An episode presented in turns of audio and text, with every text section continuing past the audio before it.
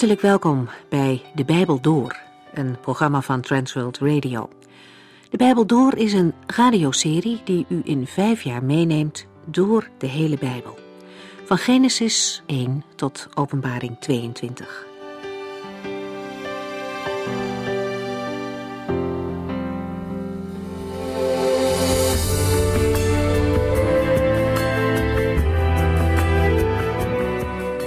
Voor vandaag en de komende tijd staat het Bijbelboek Jezaja op ons programma.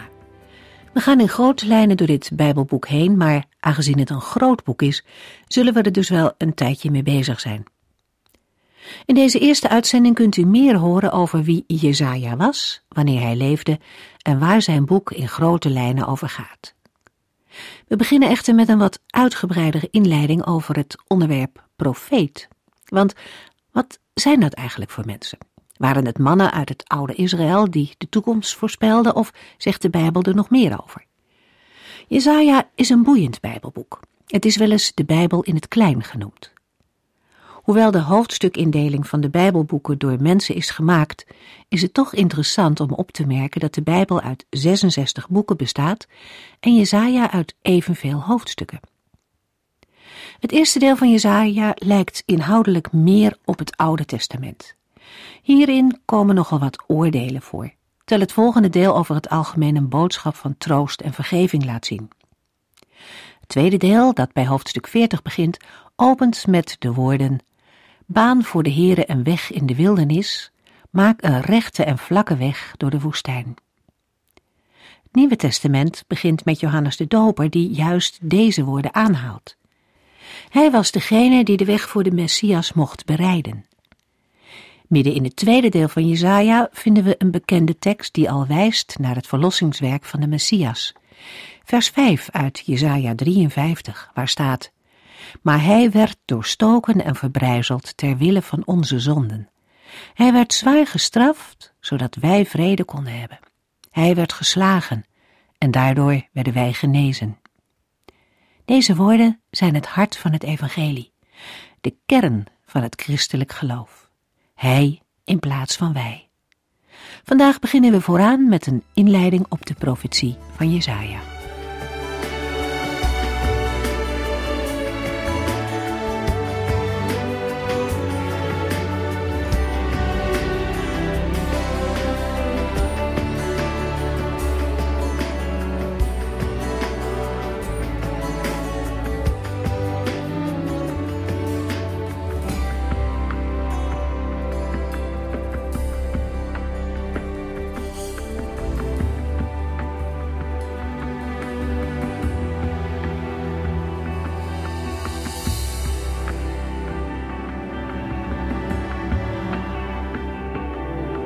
In deze uitzending zijn we toe aan het Bijbelboek Jesaja.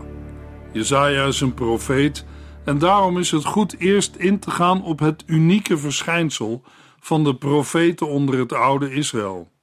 De profeten onder het oude Israël nemen in de geschiedenis van Israël, als ook in de geschiedenis van de mensheid, een unieke plaats in.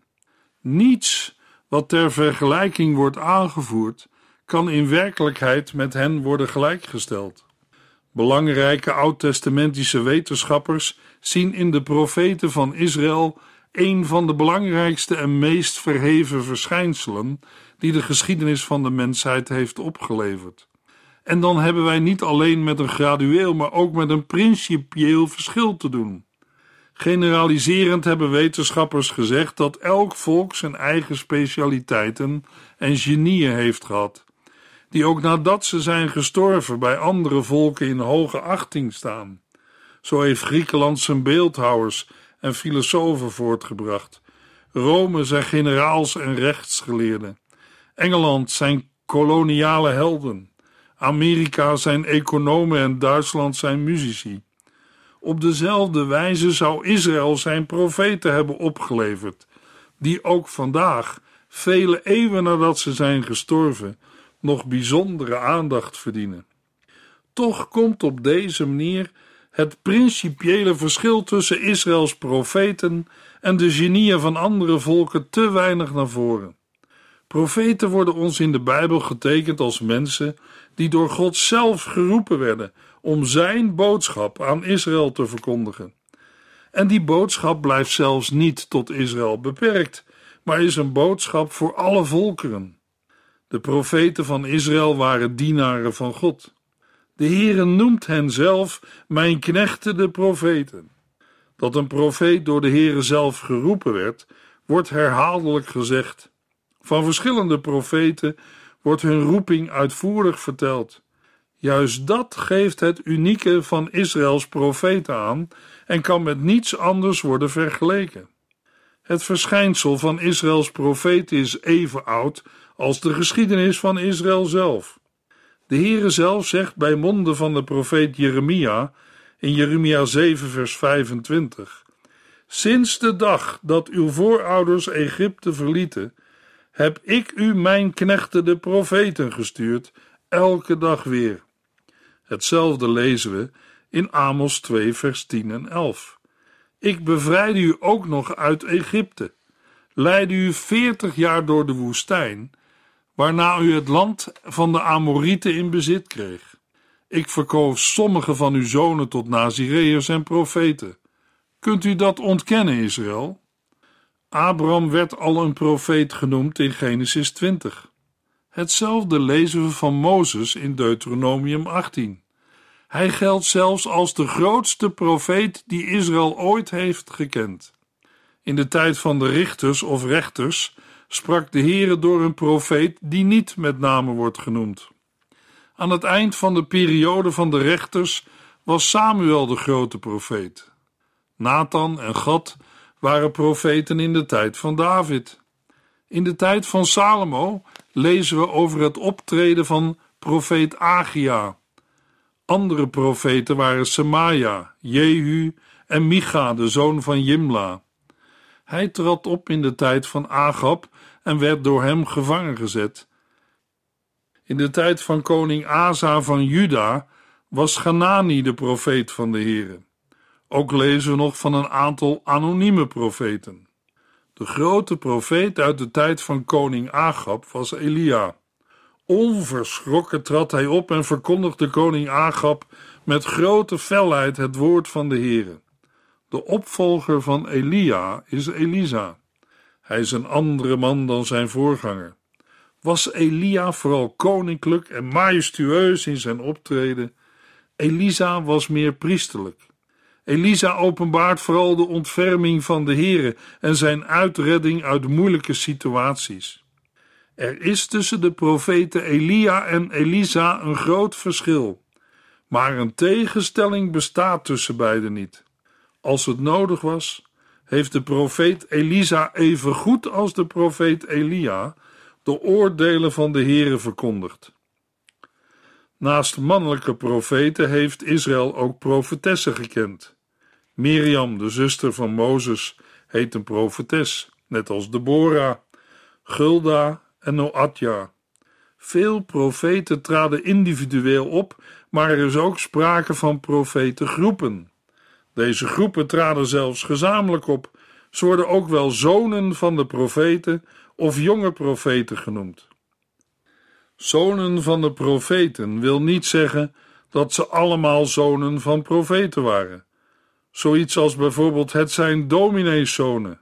Nee, het drukt uit dat ze zelf profeten waren. Amos was de eerste van de grote profeten onder Israël. We noemen ze ook wel schriftprofeten. Daaronder verstaan we die profeten die ons in het Oude Testament geschriften hebben nagelaten, die wij Bijbelboeken noemen. Op de uitdrukking schriftprofeten is wel het een en ander af te dingen omdat het niet vaststaat dat alle profeten zelf hun geschriften hebben bewerkt of geschreven. Verder weten wij dat er ook profeten zijn die wel zaken op schrift hebben gesteld, maar waarvan wij geen geschrift meer bezitten. Zo kent de schrijver van het Bijbelboek Kronieken nog geschriften van de profeten Agia en Iddo, maar die zijn ons niet bewaard gebleven. En uit 2 Kronieken 21 vers 12 weten we dat ook de profeet Elia schreef. Toch laat zich de naam schriftprofeten wel handhaven. We bedoelen daarmee de profeten die nadat ze zijn gestorven nog door hun geschriften spreken. Ze zijn de grote onder Israël geweest en hebben door hun profetische geschriften tot op heden nog steeds betekenis voor de wereld en de gemeente van Christus. In hen heeft de profetie een unieke hoogte bereikt, die alleen door de Heer Jezus Christus als de grote profeet en leraar is overtroffen. Een ander punt bij het woord profeet is de gedachte die bij veel mensen leeft, dat de profeten onder het oude Israël toekomstvoorspellers zijn geweest. En inderdaad was hun prediking vaak op de toekomst gericht, maar ging daarin bij lange na niet op. Hun prediking was in de meeste gevallen uitermate actueel. Zij predikte het woord van de Heere voor hier en nu. En daarom ligt het kenmerkende en eigenlijke van een profeet ergens anders. Dat blijkt duidelijk uit de verschillende benamingen waarmee de profeten in het Oude Testament worden aangeduid. De meest algemene benaming is die van man Gods. In deze naam ligt uitgedrukt dat de profeet iemand is die staat in een betrekking tot de Heere. Welke die betrekking precies is, wordt niet toegelicht. De uitdrukking man Gods is zeer algemeen. Daarom worden soms ook andere dan profeten met deze naam aangesproken, bijvoorbeeld een engel of David. Een andere naam met betrekking tot een profeet is de benaming knecht van de Heer of dienaar van God. In deze naam wordt uitgedrukt dat de betrekking tussen de profeet en de Heere die van een dienstbetrekking is. De profeet staat in dienst van God. Hij moet spreken en handelen in opdracht van God. Hij moet de bevelen van de Heere uitvoeren. Een profeet mag niet zijn eigen woord spreken of zijn eigen wil volgen, maar moet in alles vragen naar de wil van de Heere. Hij staat met heel zijn leven, naar geest, ziel en lichaam, in dienst van de Heere. Toch is ook deze aanduiding dienaar van God nog vrij algemeen. Ook anderen dan profeten ontvangen dezelfde naam. Meer karakteristiek voor het wezen en de taak van een profeet is de benaming boodschapper van de Heer of bode van God. Een profeet is namelijk iemand die een boodschap overbrengt van God aan mensen. De meest voorkomende aanduiding, namelijk die van profeet, is een vertaling van een Hebreeuws woord. In de Septuaginta, de Griekse vertaling van het Oude Testament, is het Hebreeuwse woord weergegeven met profeet. De betekenis van dit woord is zeker geen waarzegger of toekomstvoorspeller. Evenmin geldt dat van het Griekse woord voor profeet. Ook in het oude Griekenland was een profeet iemand die de boodschap van de goden vertolkte aan de mensen. Een profeet is in de Bijbel een verkondiger van de goddelijke openbaring. Het Hebreeuwse woord wijst op iemand die spreekt namens God. De taak van een profeet blijkt het duidelijkst uit Deuteronomium 18, vers 18, waar de Heere zegt: Ik zal mijn woorden in zijn mond leggen en hij zal zeggen wat ik hem opdraagt. In het Oude Testament staan vaak twee groepen profeten lijnrecht tegenover elkaar. Beide groepen noemen zich profeten van de Heere.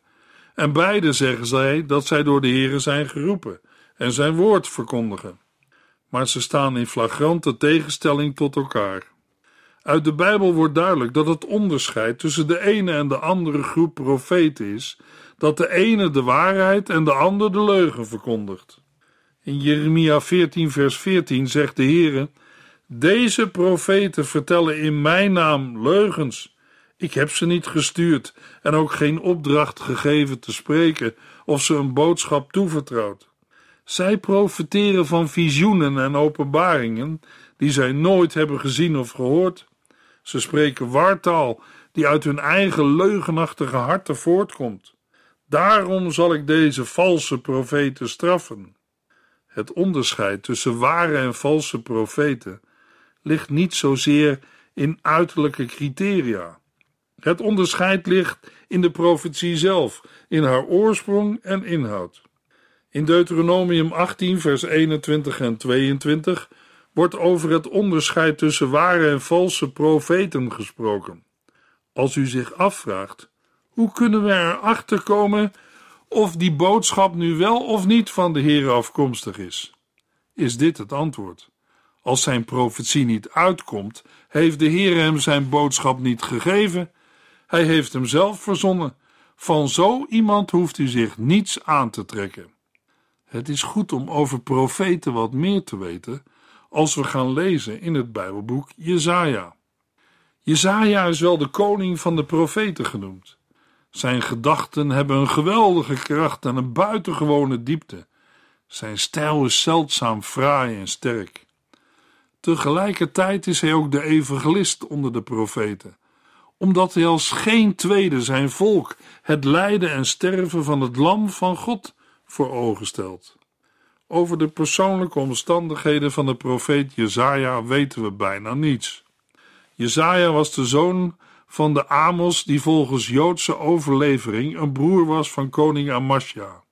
Hij kwam uit Juda en is waarschijnlijk in Jeruzalem geboren. Zijn nauwe relaties met het koninklijk huis wettigen de conclusie dat hij van koninklijke of tenminste zeer voorname afkomst is geweest. Hij was archivaris, biograaf, secretaris, opvoeder van prins Hiskia en waarschijnlijk ook arts aan het koninklijke hof. De naam van de profeet Jezaja betekent de Heere is redding of de Heere redt. Volgens Jezaja 1 vers 1 heeft hij onder vier Judese koningen als profeet gediend. Uzia of Azaria, Jotam, Agas en Hiskia. Waarschijnlijk had Jezaja aan het hof rechtstreeks toegang tot de genoemde koningen. In Jezaja 6 is een visioen opgetekend, gedateerd in het sterfjaar van koning Uzia. Vaak wordt dit visioen gezien als de roeping van de profeet en daarmee als beginpunt van zijn bediening. Maar er zijn nogal wat argumenten om aan te nemen dat Jezaja al eerder profeteerde en dat de eerste hoofdstukken uit die vroegere tijd stammen. Over de relatie met Uzzia's opvolger Jotam is niets bekend. Jezaja's vrouw wordt een profetes genoemd. Jezaja en zijn vrouw kregen twee zonen met bijzondere namen. Sear Jasub, wat betekent een overblijfsel zal terugkeren, en Maher Shalal Gasbas, wat betekent snelle roof, vlugge buit. Sear brengt met zijn vader een boodschap naar koning Jotams opvolger Agas. De bijzondere namen zeggen veel over Jezaja's verwachtingen. Jezaja is bij zijn tijdgenoten niet alleen bekend geweest door zijn profetieën tegenover het hof in Jeruzalem, maar ook vanwege zijn openbare optreden. Bijvoorbeeld dat hij zonder profetenmantel en sandalen door Jeruzalem wandelde als teken van ongenoegen over de coalitie met Egypte tegen Assyrië. Zijn opdracht was veelomvattend. Hij moest waarschuwen, oordelen aankondigen en troosten. Jezaja had ook een groep volgelingen en schreef nog andere teksten dan die in het Bijbelboek Jezaja staan. Hij beschreef het leven van koning Uzia en van koning Hiskia. Gebeurtenissen uit het leven van Hiskia zijn opgenomen in het Bijbelboek Jezaja. In Jesaja 37 vers 38 wordt de moord op Sanherib beschreven. Zijn zoons Adramelech en Sarezer doden hem met hun zwaarden in de tempel van de god Nisroch. Dit gebeurde in 681 voor Christus tijdens de regering van Manasse. Dat is ruim 60 jaar na de dood van Uzia. Tenzij dit een latere toevoeging is, moeten we aannemen dat Jezaja minstens zo lang profeet is geweest. Volgens Joodse overlevering is Jezaja onder Hiskia's zoon en opvolger Manasse op bloedige wijze geëxecuteerd, namelijk met een houtzaag. Volgens de Joodse overlevering haatte de goddeloze koning Jezaja omdat de profeet beweerde de Heere gezien te hebben en omdat hij Jeruzalem en Juda met Sodom en Gomorra vergeleek. Het is mogelijk dat het Nieuwe Testament zich bij deze traditie aansluit in de vermelding van een geloofsgetuige die in twee is gezaagd in Hebreeën 11 vers 37. De geschiedenis van Jesaja's martelaarschap wordt zeer breed gedragen door vroege Joodse en christelijke getuigen, al zijn er enkele variaties. We hebben geen bewijs, maar in het licht van wat we weten over Jezaja, Manasse en de behandeling van controversiële profeten in de latere koningtijd, is het goed denkbaar dat de profeet Jezaja een martelaarsdood is gestorven. Het tijdperk in Israëls geschiedenis, waarbinnen Jezaja's optreden valt, is van bijzondere betekenis geweest. Het was de periode van directe en langdurige betrekkingen van het volk van God met de grootmachten rondom Juda en Israël. Deze grootmachten hadden door de eeuwen heen gestreden om de macht in het Midden-Oosten. In het noorden was in die tijd het Assyrische Rijk de voornaamste macht. De hoofdstad Nineveh lag aan de oevers van de Tigris.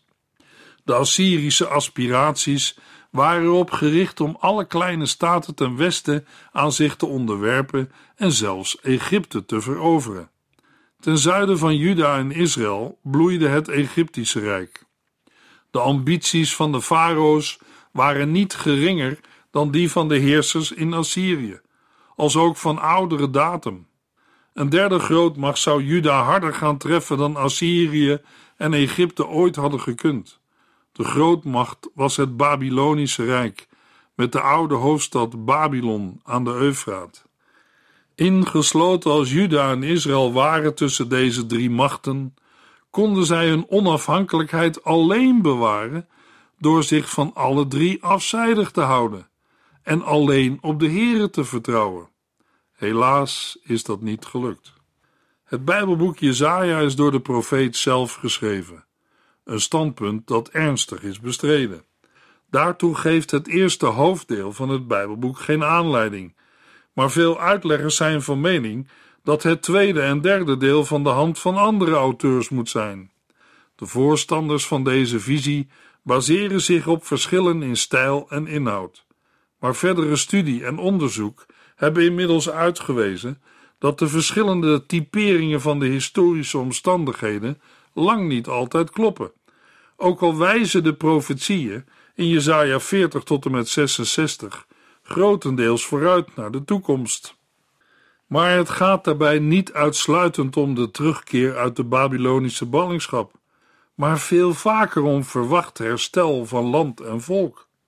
We kunnen hier niet dieper ingaan op de lange discussies over deze kwestie, maar we hebben er geen moeite mee aan te nemen dat Jezaja het hele Bijbelboek heeft geschreven. Waarom zou de Heer aan Jezaja geen geweldig visioen van het komende Messiaanse Rijk hebben gegeven? De geschiedenis van de Bijbelse kanon leert ons dat het Bijbelboek Jezaja nooit heeft bestaan uit afzonderlijke delen. In de Septuaginta, die 280 jaar voor Christus ontstond, zien we het Bijbelboek als één geheel, onder de naam Boek van Jezaja. En in het Nieuwe Testament vinden we zeker elf citaten uit de andere delen van Jezaja, waarbij Jezaja uitdrukkelijk wordt genoemd als de auteur. Wij gaan uit van Jezaja als schrijver van het gehele Bijbelboek Jezaja en komen dan tot een inhoudsopgave van drie hoofddelen, die met elkaar zijn verdeeld in tien subdelen. Het eerste hoofddeel bestaat uit Jesaja 1 tot en met 39 en gaat over Jesaja en zijn tijdgenoten. Het is onderverdeeld in zes subdelen, namelijk Jesaja 1 tot en met 5, met als onderwerp gericht over Israël en herstel. Jesaja 6 tot en met 12 met als onderwerp persoonlijke ervaringen van Jesaja, van verharding tot heil. Jesaja 13 tot en met 23 is het derde subdeel en gaat over oordeel over de omringende volken. Het vierde subdeel van het eerste hoofddeel, Jesaja 24 tot en met 27, handelt over de eschatologische toekomst. Jesaja 28 tot en met 35 geeft de waarschuwingen en hoop voor Jeruzalem.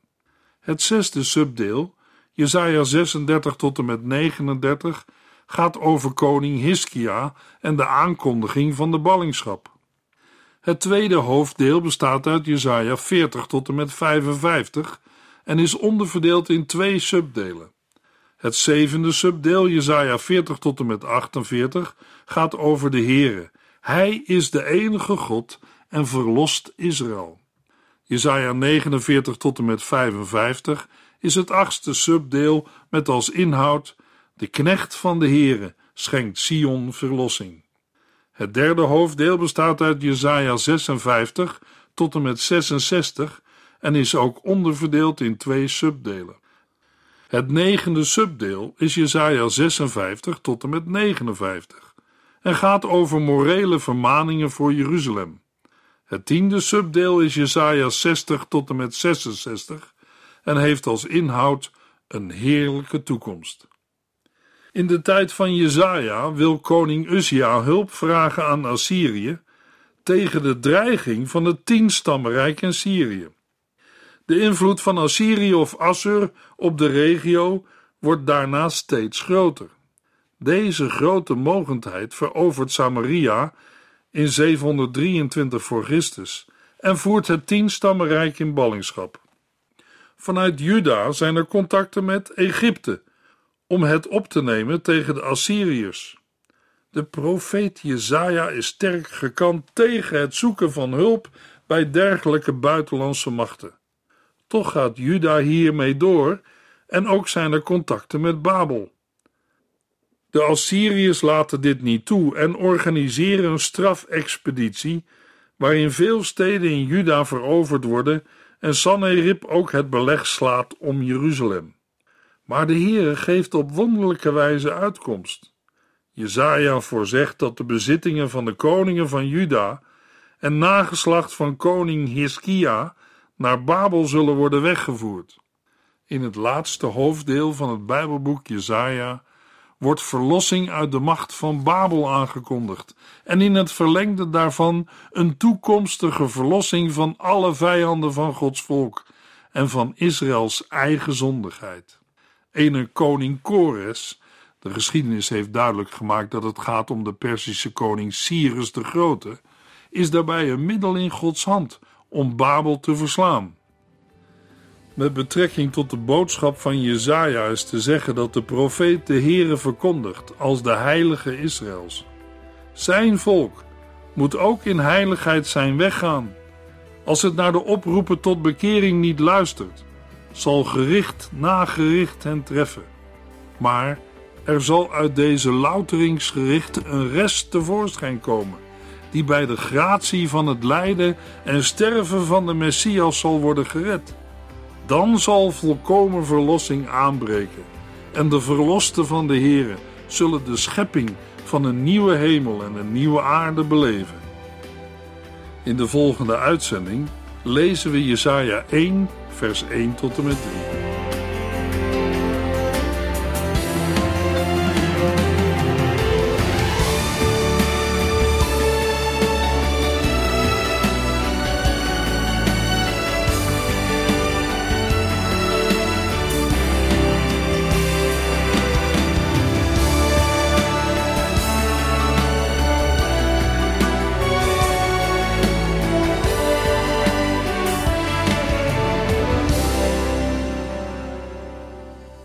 Geluisterd naar De Bijbel Door.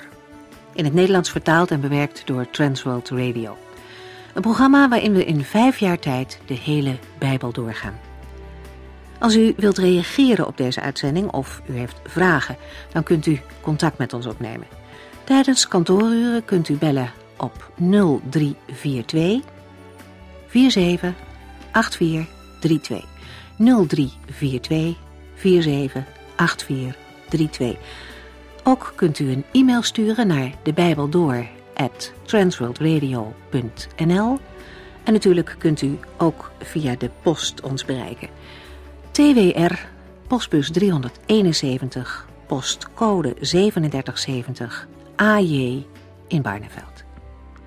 Dit programma werd gepresenteerd door Cor Weda en Ike André. Techniek was in handen van Odin van Woerdekom. En wij allemaal bedanken u voor het luisteren. Graag tot de volgende keer.